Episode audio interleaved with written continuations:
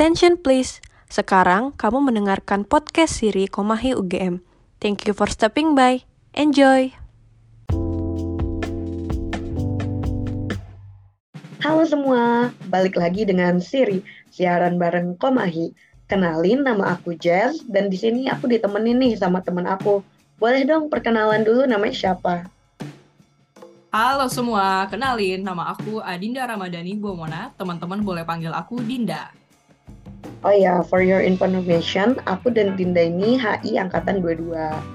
Nah, oke, okay, udah asik nih aku karena punya temen ngobrol kan sekarang. Jadi pembahasan kita mungkin juga bisa agak lebih deep dan lebih luas gitu perspektifnya. Tapi sebelum kita masuk, aku mau tanya dulu, Din, kita sebenarnya hari ini mau bahas apa sih?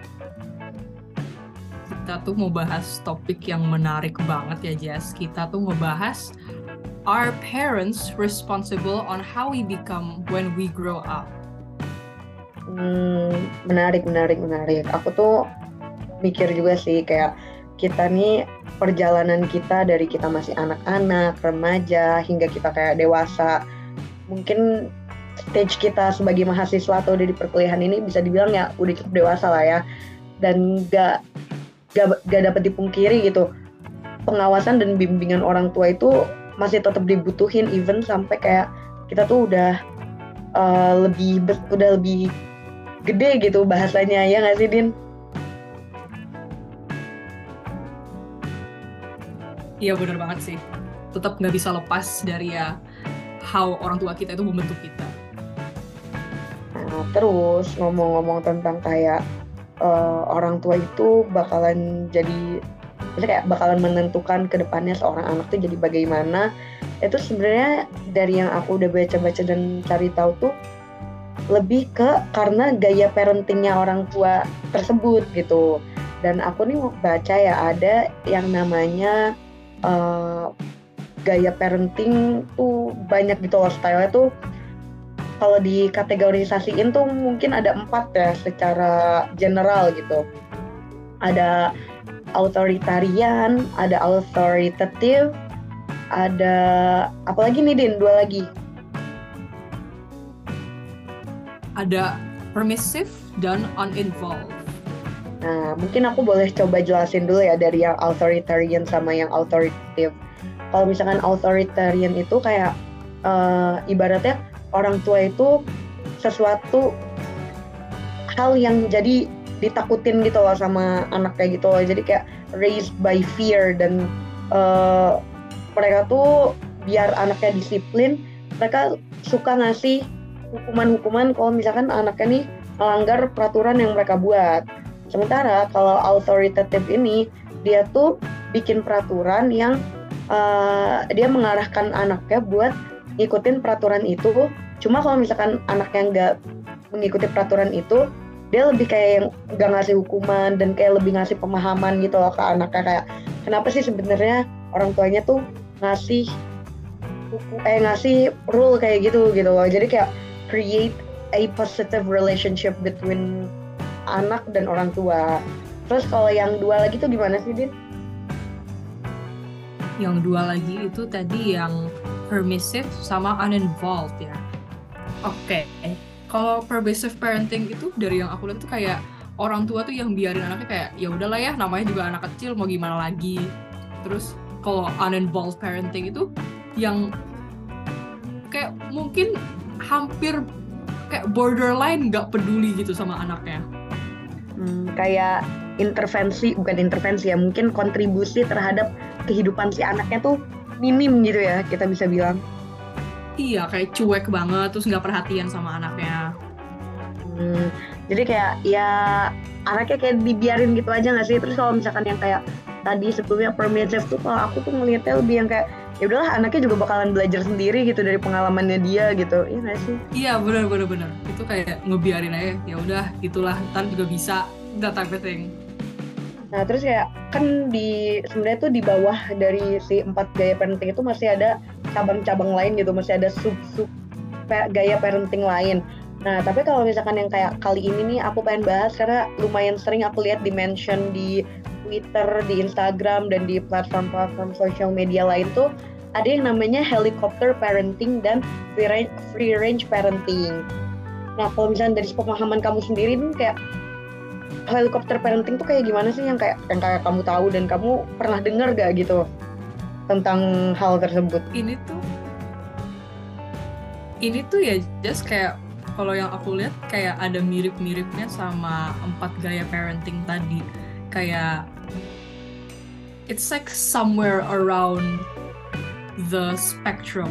Tapi kalau menurut pemahamanku itu helicopter parenting itu in simpler terms adalah strict parents. Kita biasa nyebutnya kayak strict parents sedangkan free range parenting itu anak-anak yang mungkin lebih diberi kepercayaan dan kebebasan sama orang tuanya. Iya sih benar-benar. Nah jadi aku coba nge-enhance uh, pengetahuan nih buat para pendengar kita Din. Aku coba jelasin dulu helikopter parenting itu sebenarnya apa sih biar kita tuh sama-sama paham gitu konteksnya di sini. Nah, uh, helikopter parenting itu sebuah uh, style gaya of parenting di mana si orang tuanya ini highly involved in their children's life uh, in a stage where uh, we can say that the parents are controlling them gitu loh over the smallest decision that si anaknya tuh bakalan perbuat di hidupnya bisa dibilang kayak gitu. Nah sebenarnya uh, helikopter parenting nih Din ya. Kayak banyak banget loh alasan-alasannya. Kenapa seorang parents itu bisa menjadi bisa menerapkan gaya parenting helikopter? Kayak uh, kalau misalkan menurut dokter Deborah Gilboa itu rata-rata orang tua tuh kayak punya constant fear yang di mana menurut aku ya orang tua khawatir terhadap anaknya itu normal gitu loh dan manusiawi ya nggak sih Din Iya sih. Karena kan anak tuh sebuah tanggung jawab yang besar gitu. Nah, tapi kayak uh, si orang tua tuh biasanya ngerasa khawatir dan ngerasa takut terhadap masa depan anaknya. Apakah kayak anaknya bakalan survive gitu, kayak by economical or whatever it is gitu. Dan anak itu bakalan selalu di pressure buat ngelakuin hal-hal yang menurut mereka terbaik gitu. Terus ya kadang-kadang juga uh, si orang tua ini juga mendapatkan peer pressure dari sesama orang tua yang lain gitu yang kayak oh misalnya ya let's say aja kayak oh anak gue gini gini gini gini kok anak lo nggak gini sih gitu loh oke okay. kalau yang aku lihat dari helicopter parenting itu mungkin orang tua itu saking sayangnya ya sama anaknya saking pedulinya itu kan mereka pengen anaknya itu untuk sukses, mereka pengen anaknya itu untuk berfungsi dengan baik di dalam masyarakat. Jadi mereka selalu mengawasi, mengekspektasikan dan memberi goal kepada anaknya yang harus dicapai supaya they can be a good functioning human being. Itu tujuan orang tua menurutku. Iya sih, aku aku bisa ngelihat sisi itu. Terus kalau free range parenting sebenarnya sama ya namanya orang tua tuh kan pasti pengen anaknya untuk sukses, pengen anaknya tuh achieve greatness. Ya siapa sih itu yang gak mau tua, ya kan? Iya benar banget. Jadi orang tua yang free range ini menurutku unsur yang paling membedakan itu adalah trust. Gak tahu sih ya kalau aku ngelihatnya gitu kayak barangkali helicopter parents ini saking distrust? Saking, oh enggak. Apa gimana? Iya, gimana ya? Kayak saking gencarnya kayak kayak menggencarkan anaknya untuk do this do that achieve this achieve that. Itu there it's like there's a distrust that forms in it. So yep, mereka yep. merasa harus kayak selalu supervise sedangkan yeah, kayak secara gak langsung tuh secara gak langsung tuh orang tuanya tuh kayak gak percaya kalau anaknya tuh bisa ngelakuin sendiri gitu kan. Iya itu dia. Sedangkan free range parents itu mereka kayak meng mengawasi but they do trust their kids that they will do good. Sehingga mereka tuh kayak mungkin bisa dibilang pressure-nya lebih berkurang. Nah tapi nggak berarti bahwa produk dari kedua gaya parenting ini tuh bukan produk yang bagus ya nggak sih Jess? Iya iya iya kayak ya pasti outcome juga bakalan beda gitu loh. karena bakalan seiring perjalanan kita tumbuh nih kayak banyak variabel-variabel lain yang menentukan sebenarnya kita tuh jadi kayak gimana sih di masa depan.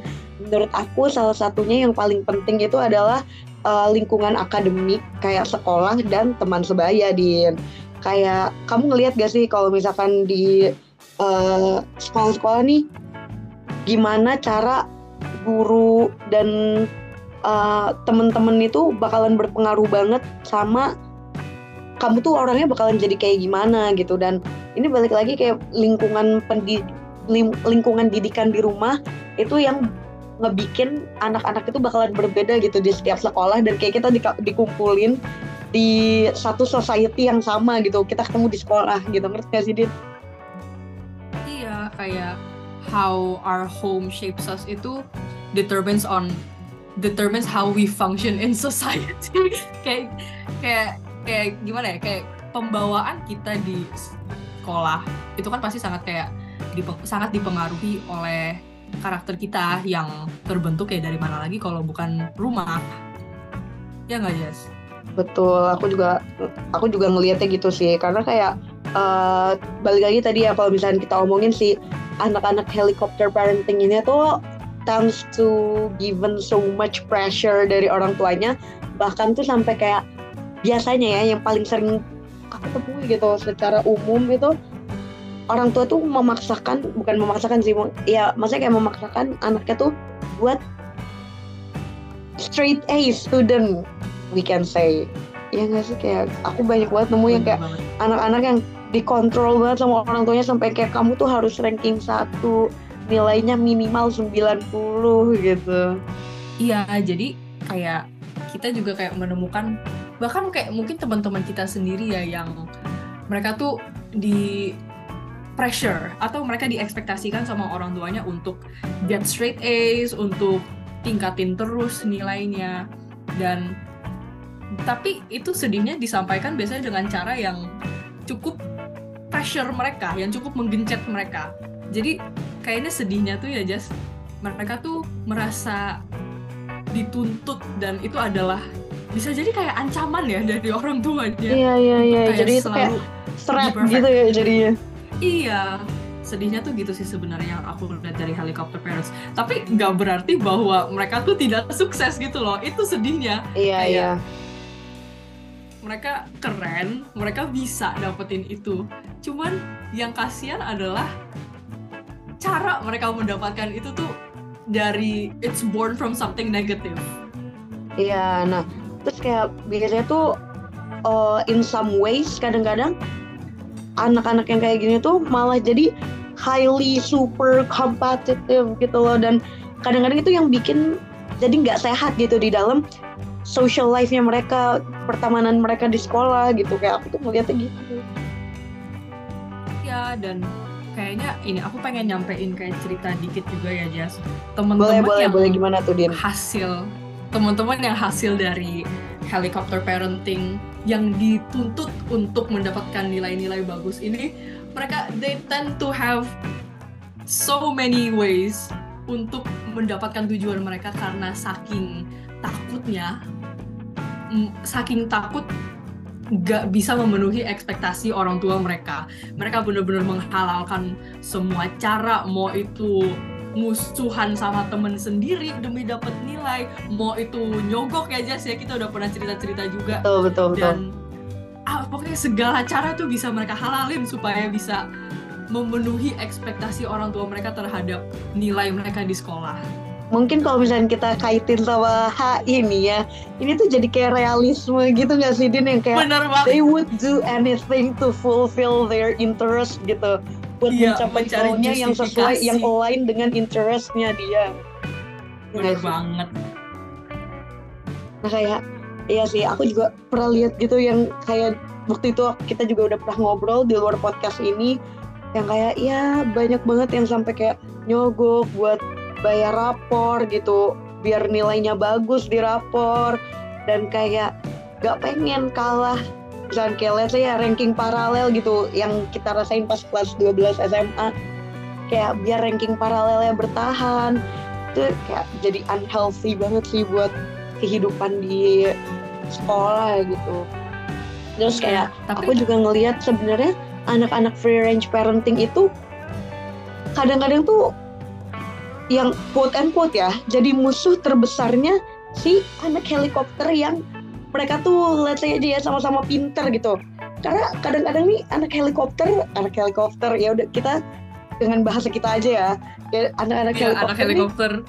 eh, apa ya ngerasa kayak kok kayaknya dia tuh nggak di pressure itu tapi nilainya tetap bisa bagus. Kayak kok dia tuh kayak minimum effort banget tapi dia bisa nilainya 90 bisa dapat nilai A gitu. Sementara anak helikopter ini kayak yang Dinda bilang tadi harus melewati maksudnya kayak motivasinya tuh dari sesuatu hal yang negatif gitu develop from uh, negative motives gitu. Jadi kayak mereka tuh ngerasa iri gitu kayak kenapa sih aku nggak bisa dapat motif yang sama kayak mereka? Ini ada paralelnya lagi sama studi HI kayak Waduh. negative peace. Negative peace dan kayak pas kayak peace aja gitu atau kayak positive peace ya gak sih? Dan iya iya betul di betul. dalam di dalam kayak proses anak atau kayak proses anak helikopter ini tuh kayak ada faktor-faktor yang manifest dan faktor-faktor yang latent. Leighton kita Iya, nggak bisa lepas dari studi HI Iya, nah, terus kayak aku juga ngerasa eh, anak-anak yang free range parenting ini di dalam kehidupan sosialnya mereka tuh jadi pribadi yang lebih santai, lebih kayak menjalani kehidupan ya udah gitu aja gitu. Kayak gak, gak, gak semuanya nih tentang kontestasi kekuatan akademik gitu, Din. kontestasi kekuatan Ini kayak kok ini kita Waduh. jadi kayak anak HI banget ya, Din ya. Ya namanya juga analisis tingkat individual gak sih? Rio. aduh buset boleh buset boleh buset. boleh boleh boleh karena decision making itu eh, bakalan dipengaruhi oleh interest si individunya. Setuju gak Din? Ba, iya benar banget benar banget. Nah, terus kayak kayak kalau misalkan anak-anak free range parenting itu mereka kalau misalkan kayak social life ya udah biasa aja gitu kayak just living their life. Kayak aku ngelihat anak-anak yang hasil dari free range nih ya udah kayak menjalani kehidupan mereka sebagaimana selayaknya hidup. Sebenarnya kalau misalkan kalau misalkan dari aku lihat semasa aku sekolah nih kayak ini analisis aku sendiri ya gitu. Kayak premis aku sendiri kalau anak hasil dari helikopter nih mereka tuh it's either this or that gitu loh. Either mereka jadi uh, bully atau jadi a loner gitu. Most of the times ya. Mungkin ada mungkin ada yang kayak ya udah bisa fit in kayak anak-anak uh, free range gitu. Tapi most likely dari yang aku lihat tuh either mereka jadi bully ngerasa kayak superior banget atau mereka tuh jadi loner ngerasa inferior banget. Waduh. Aduh tapi kayaknya oke aku ingin menyampaikan sesuatu tapi habis ini kayak aku nyampein juga sisi kayak sisi lain mungkin dari kayak anak-anak helikopter ini. boleh boleh. Aku Kayak- pengen denger tuh gimana. Kita tuh kayak pernah bilang ya Jas kalau ini tuh kayak anak-anaknya tuh jadi punya villain kompleks.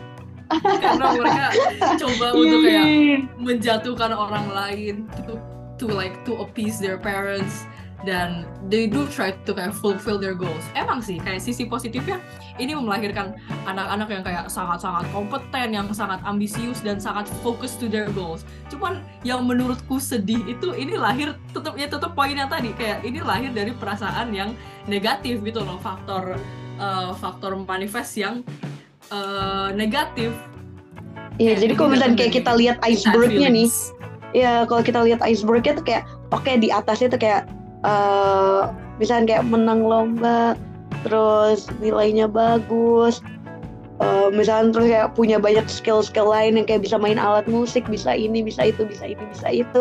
Tapi kalau misalnya kita lihat itu kan just the tip of the iceberg gitu. Tapi the whole iceberg ya bawahnya itu kayak ada orang tua yang selalu memaksa, menuntut dan lain-lain itu sedih sih lihat. bener banget bener banget Terus kalau misalnya kita pakai study case-nya kapal Titanic nih, kapal Titanic tuh kan sebenarnya kayak cuma nyenggol dikit, tek gitu kan ke si Hmm. iceberg ini tapi yang bikin kapal Titanicnya ini tenggelam karena eh, bawahnya bagian iceberg itu kan Din nah mungkin aku lihat eh, kadang-kadang tuh kita kenal sama yang namanya burnout kid ya nggak sih yang kayak ya ketika dia dihadapi oh, sama nih. suatu suatu event atau suatu kejadian besar dalam hidupnya mungkin on the tip of the iceberg mereka tuh cuma tek tapi kayak yang si latentnya ini nih yang di bawah-bawahnya ini Iya, kena tuh langsung jedar gitu loh iya langsung itu yang ngancurin dia juga nggak sih?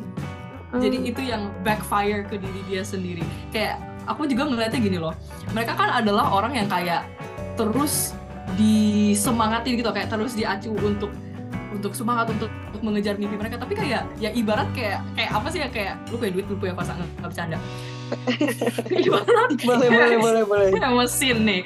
Kayak mesin.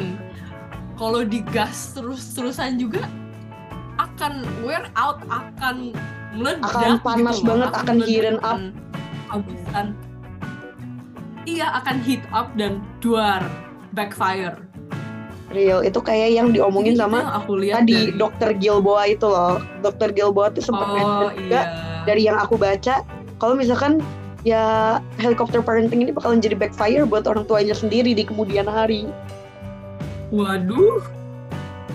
Nah, kita kan kayak dari tadi nih banyak bahas tentang sisi negatifnya eh, si helicopter parenting ini. Tapi aku juga ngelihat ada sisi negatif dari free range parenting, which is eh, terlalu bebas gitu. Kayak, oke mungkin eh, mereka build their relationship by trust gitu loh. Tapi kadang-kadang nih seorang anak yang diberi kebebasan malah jadi terlalu bebas gitu Din. belum kita juga nggak tahu kalau anaknya malah ngelunjak sama orang tuanya atau malah backstabbing orang tuanya sendiri kan kita nggak tahu Iya iya iya kayak ngerasa kayak oh ya udahlah orang tua gue eh percaya kok sama gue. gila dua-duanya berarti bisa villain kompleks gitu Iya dan kayak kadang-kadang tuh free range parenting itu kurang di supervise gitu, kurang di monitor sama orang tuanya. Ya sebenarnya kalau misalkan kayak kitanya udah gede gitu, udah gede nggak tuh? Saya kayak kalau kitanya udah beranjak dewasa dan udah paham sama basis-basis kehidupan ini, itu ya menurut aku ya oke aja gitu. Orang tuanya nggak terlalu memonitor dan nggak terlalu nge-supervisi. Tapi ketika kayak kitanya masih remaja itu kan kayak bener-bener butuh bimbingan dan pengawasan orang tua.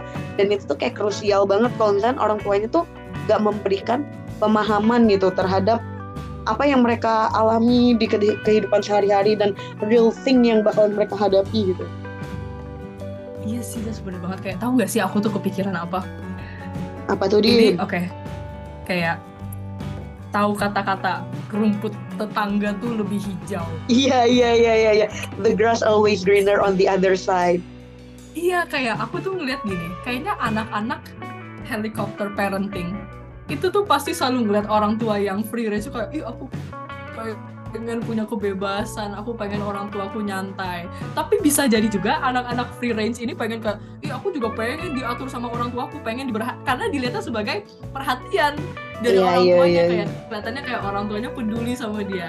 Jadi kayak hmm Iya tapi kadang-kadang nih kayak sebenarnya free range parenting itu not so much neglecting their children enggak juga tapi kayak yang mereka punya caranya sendiri aja buat kayak merhatiin anaknya gitu quote. Iya bener kayak nggak berarti juga kalau mereka kayak neglecting anaknya. Jadi makanya kan ini tuh sebenarnya free range parenting itu tuh beda tipis banget ya sama yang apa tadi ya yang empat jenis itu Permissive. kayak permissive permissive parenting kayak beda tipis. Nah terus Cuman kayak ya itu deh.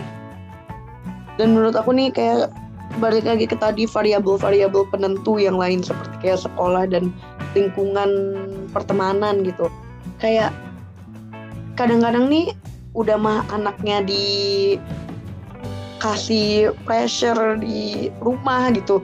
Terus kalau misalkan apes-apesnya nih kayak ya pasti dalam kehidupan pertemanan di sekolah itu gak selalu baik kan ya Dina kayak kadang-kadang ada aja gak sih orang jahat gitu?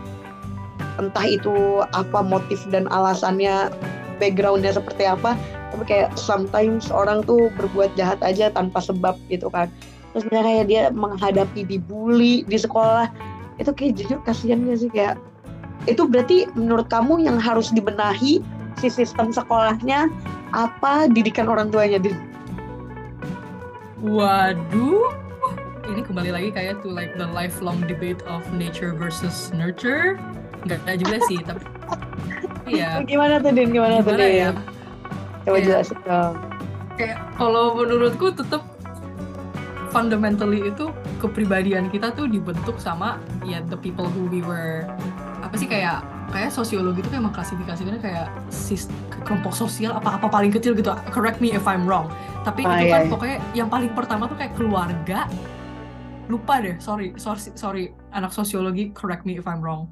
Tapi yang paling pertama tuh kan kayak keluarga baru kayak and then ada kelompok-kelompok yang lebih besar gitu. Jadi emang menurutku fundamentally yang paling berpengaruh sama kita tuh tetap keluarga dan hal-hal seperti lingkungan-lingkungan seperti sekolah atau kayak pergaulan di circle lain gitu itu eksternal itu hanya eh, di kayak di compile lagi ke kita dan kita juga yang kayak synthesize eh, behavior kita ke depannya gitu. Karena kan ya kita growing and developing ya in our lives.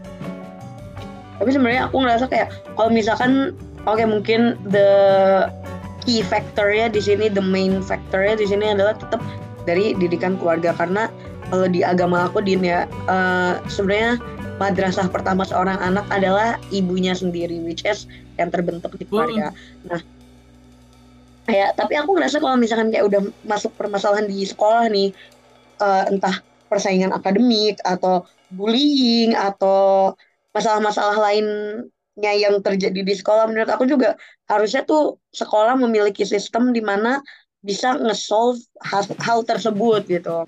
Oke, kayak aku tuh ngerasa sekolah di kok di Indonesia atau mungkin specifically di kota aku sendiri ya rata-rata guru itu sebagai kita tuh sebenarnya kalau misalkan term saya itu tenaga pendidik kan ya tapi instead of mendidik guru ini lebih mengajar gitu. Dari masa kayak menurut aku it's a two different things between mengajar dan mendidik gitu.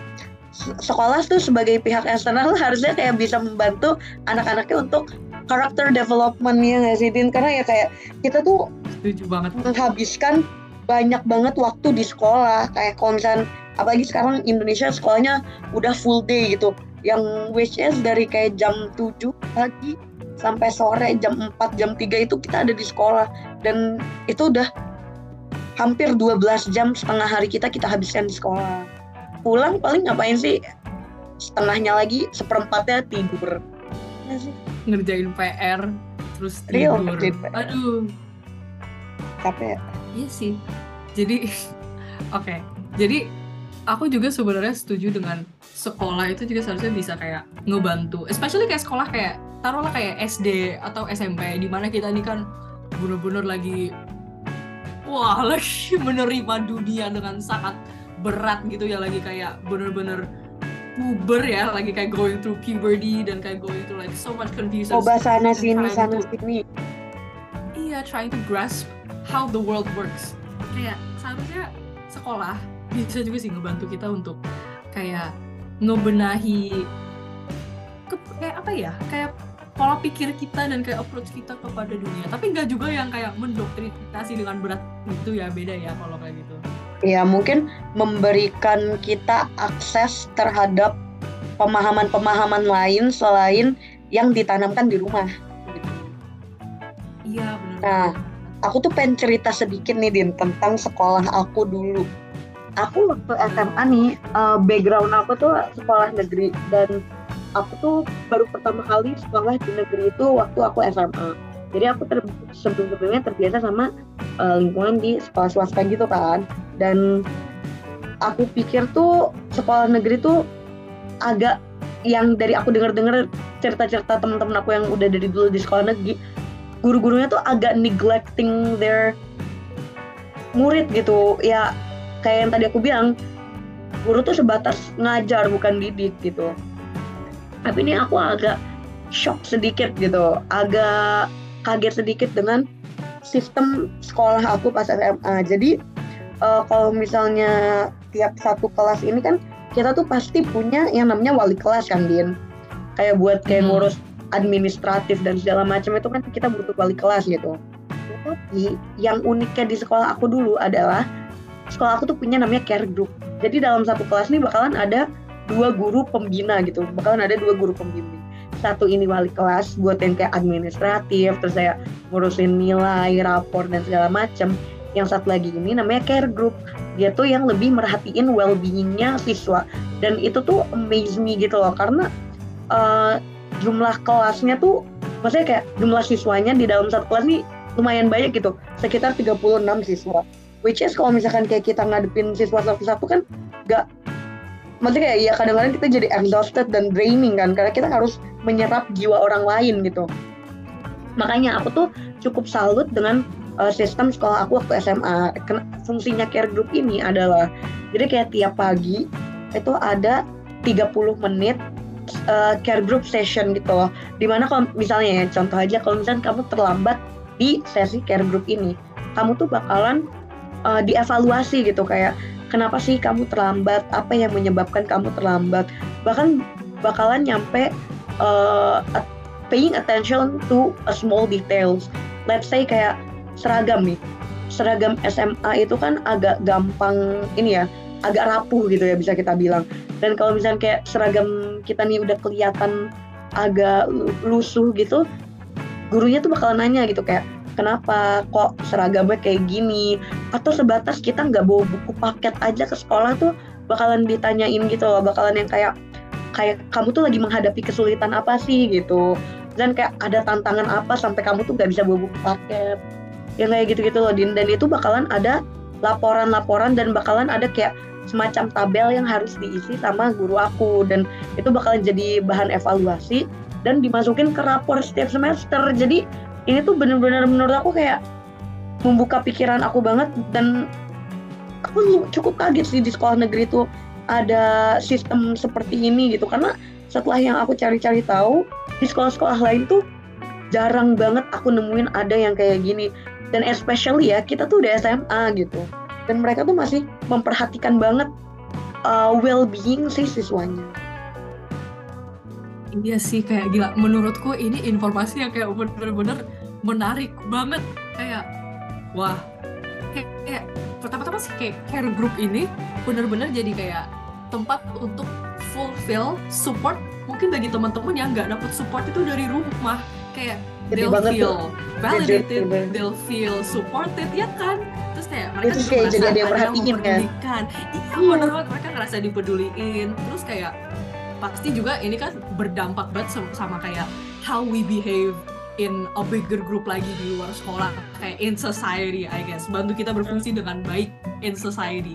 Karena dan lagi juga the kids deserve it gitu. Everybody deserves to be supported to be heard to be listened to to be kayak taken care of jadi kayak gila nih Indonesia tuh kayak perlu ya sih menyebarkan Jujur iya. agenda kasih Aku sayang gak sih sekolah-sekolah lain perlu untuk mengadaptasi sistem dari sekolah aku ini ya. Sorry guys kalau agak over proud tapi kayak jujur aku bener-bener bahagia banget ada ini jadi kayak aku sempat ada di masa-masa yang alasan aku bangun pagi tidur besok ke sekolah tuh ya ini sih waktu care group 30 menit di pagi hari. Oh my god. Kayak wow guys. We live in Indonesia, negara yang nggak memperdulikan atau percaya sama yang namanya mental health. Real, Dan real. ini ada sekolah negeri loh, sekolah negeri yang bisa makanya peduli. Itu menurutku keren banget sih. seru banget sih jujur. Kayak ya mungkin uh, ini mencoba ngasih afeksi juga kali ya ke anak-anaknya gitu. Mm-mm, bener banget. Nah, kan kayak berarti nih we hope uh, for Indonesian education system to be more supportive gitu kan. Yang ngasih dia. Iya bener, jadi kayak mungkin di sini tuh ada variabel baru lagi nggak sih, which is like support. Gimana pun itu tuh kita juga bisa saling support, kita saling memberi constructive criticism sama teman-teman. Karena everyone deserves it.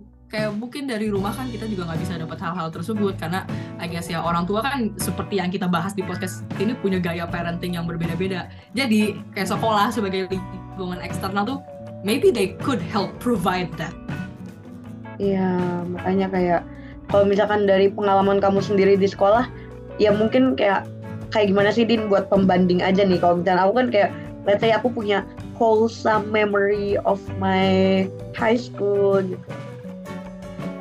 boro-boro ditanya belum kayak udah makan apa belum aja juga kagak pernah. Maksudnya kayak ibarat kayak bentuk kepedulian yang paling basic aja tuh. Guru-guru tidak pernah menggubris like I don't know maybe they're underpaid they're tired. Jadi sekolah pun tidak memperdulikan gitu loh. Kayak guru BK tuh kan seharusnya mendapat kerjaan itu ya untuk kayak bantu mental health anak-anaknya tapi kenapa entah kenapa pengalaman aku seumur hidup sama guru BK tuh Hmm, cuman kayak ada satu pengalaman yang baik gitu sama guru BK yang actually supporting mental health anak-anaknya.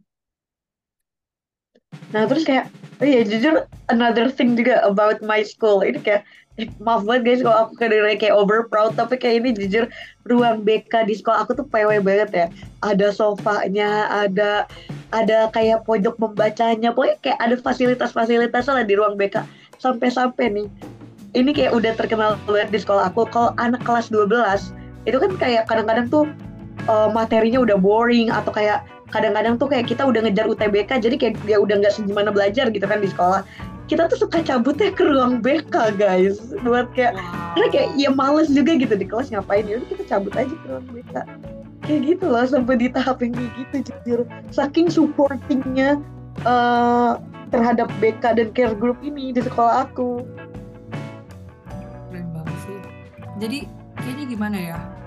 Ini kan kayak kalau kita kaitkan lagi sama topik kita gitu kayak how we become when we grow up dan tadi kan kita udah ngebahas kayak rumah itu jadi kayak fundament fundamental sorry udah jadi fundamental kayak apa ya? Found kayak jadi kayak fundamental factor dalam uh, pembentukan karakter dan kepribadian kita. Sekolah itu jadi faktor pendukung. Ya gak sih? Betul. lalu kayak kita lihat. Gini loh kayaknya ada satu lagi yang belum kita omongin nih Jess. Apa tuh Din? Kan kembali lagi ke anak-anak helikopter dan anak-anak free range ini. Itu kan mereka tuh outcome-nya beda-beda ya. Ada yang mungkin mereka tuh seneng jadi hasil dari orang tua helikopter. Bisa jadi mereka nggak masalah. Dan bisa jadi mereka masalah banget dan bisa jadi anak-anak free range ini juga merasakan hal yang sama gitu kayak bisa jadi kayak hah orang tua gue apa mereka ngediklek gue selama ini? Dan kayaknya tuh ya selama di perkuliahan ini ya setelah kita kayak, kayak banyak kenal sama teman-teman kita di H itu orang-orang yang, yang diverse tuh, iya orang-orang yang diverse dan kayak kayak different backgrounds.